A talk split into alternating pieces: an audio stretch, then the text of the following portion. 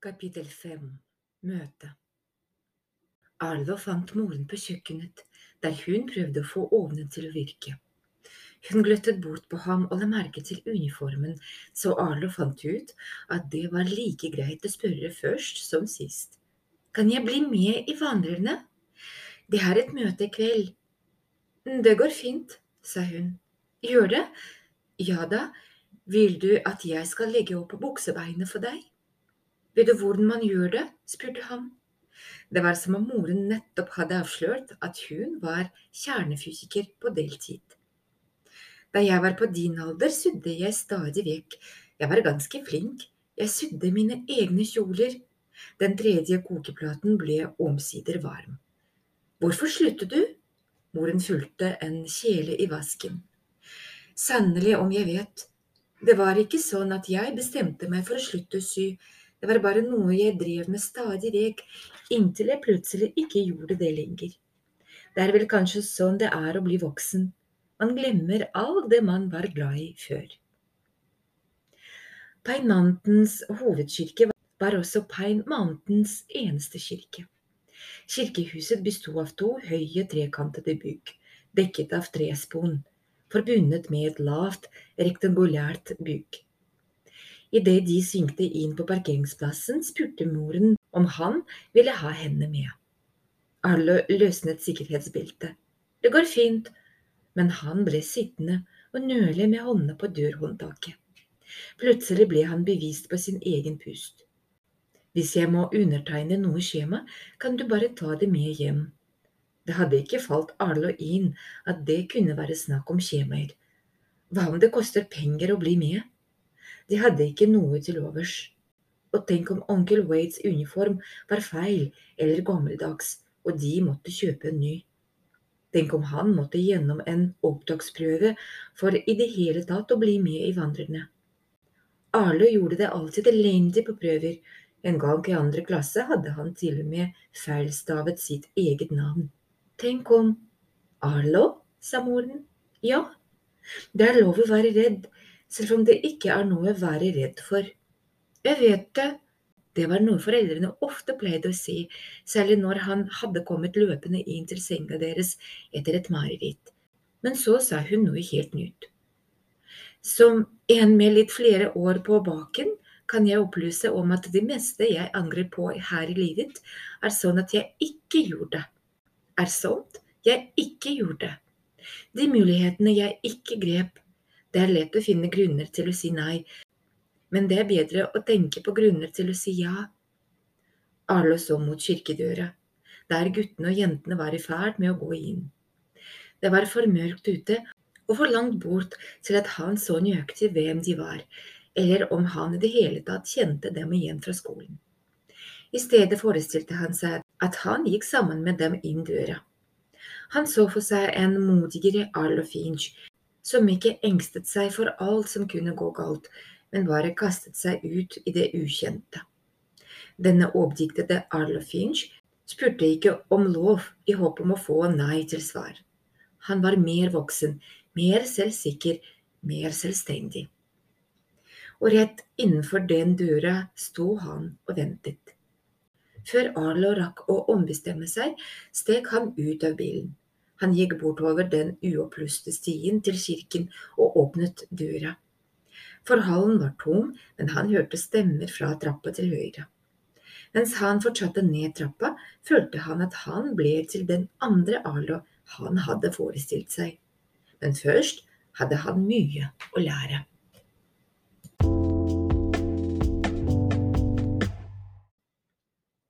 Pine Mountain-troppen besto av 27 vandrere fordelt på fire patruljer. Arlo fikk plass i Blå-patruljen sammen med Vu og Indra, tydeligvis på oppfordring fra dem, og avgjorde straks at det var det eneste patruljen i troppen, kanskje hele verden. Blåpatruljen var den minste, med bare seks vandrere, medregnet Arlo.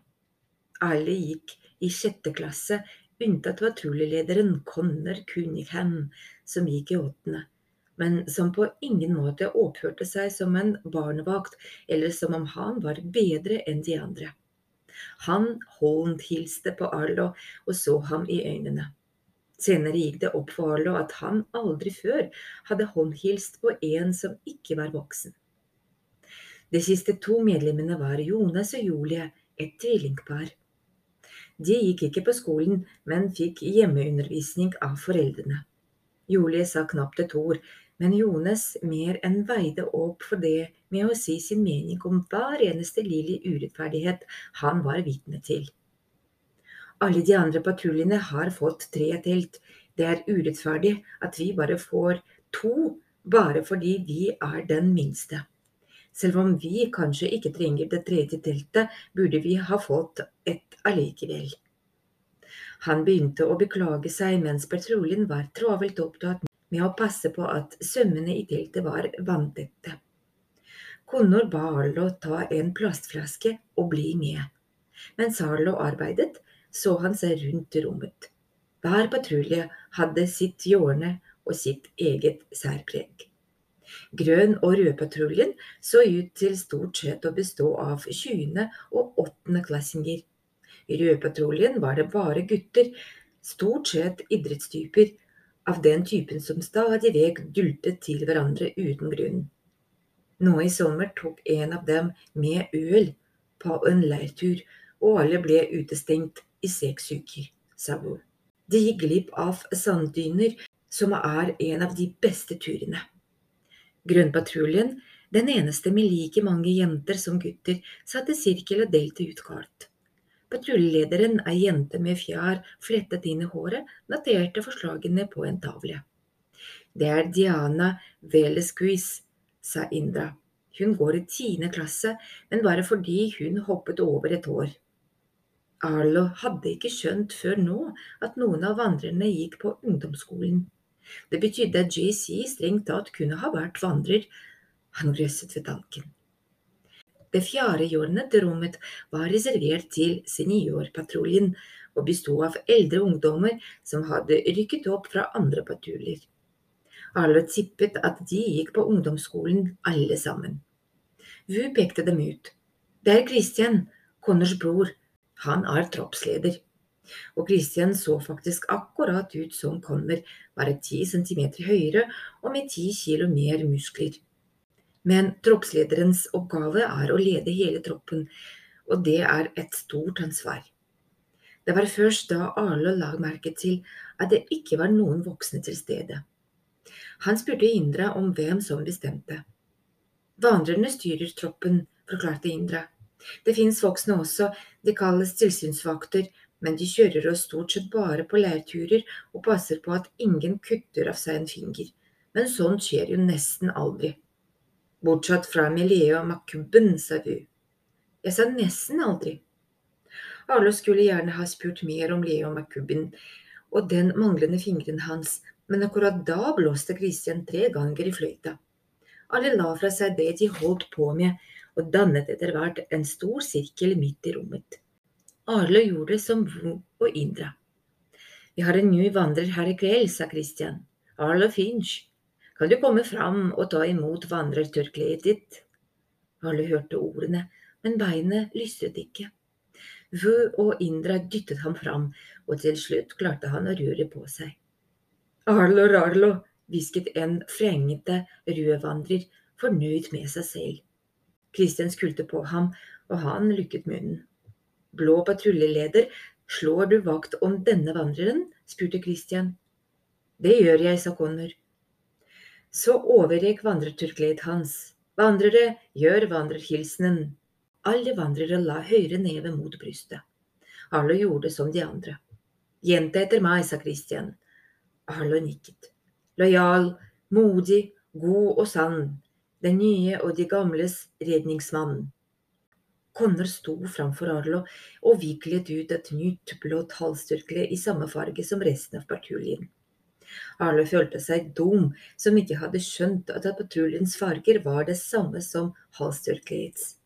Han hadde ikke tatt på seg onkel Wades tørkle, mest på grunn av blodflekken, men også fordi han ikke visste hvordan han skulle knyte det. Det lå fortsatt i en krøll i lomma. Connor la det blå tørkleet rundt Arlos krage og festet det med en metallring. Jeg vokter naturen, jeg kjenner min sti, gjør det som er rett, tar de svakes parti. Skogens ånder, hør, følg med, når jeg sier fram min vandrerett. Da eden var avlagt og alle hadde gjort vandrerhilsenen, slappet de av igjen. Arlo senket hånda. Han var svett i håndflaten. Christian uttrykte det formelt. Arlo Finch har sverget vandreløftet. Måtte hans sti være trygg. Alle de andre vandrere svarte i kor. Måtte hans mål være rett.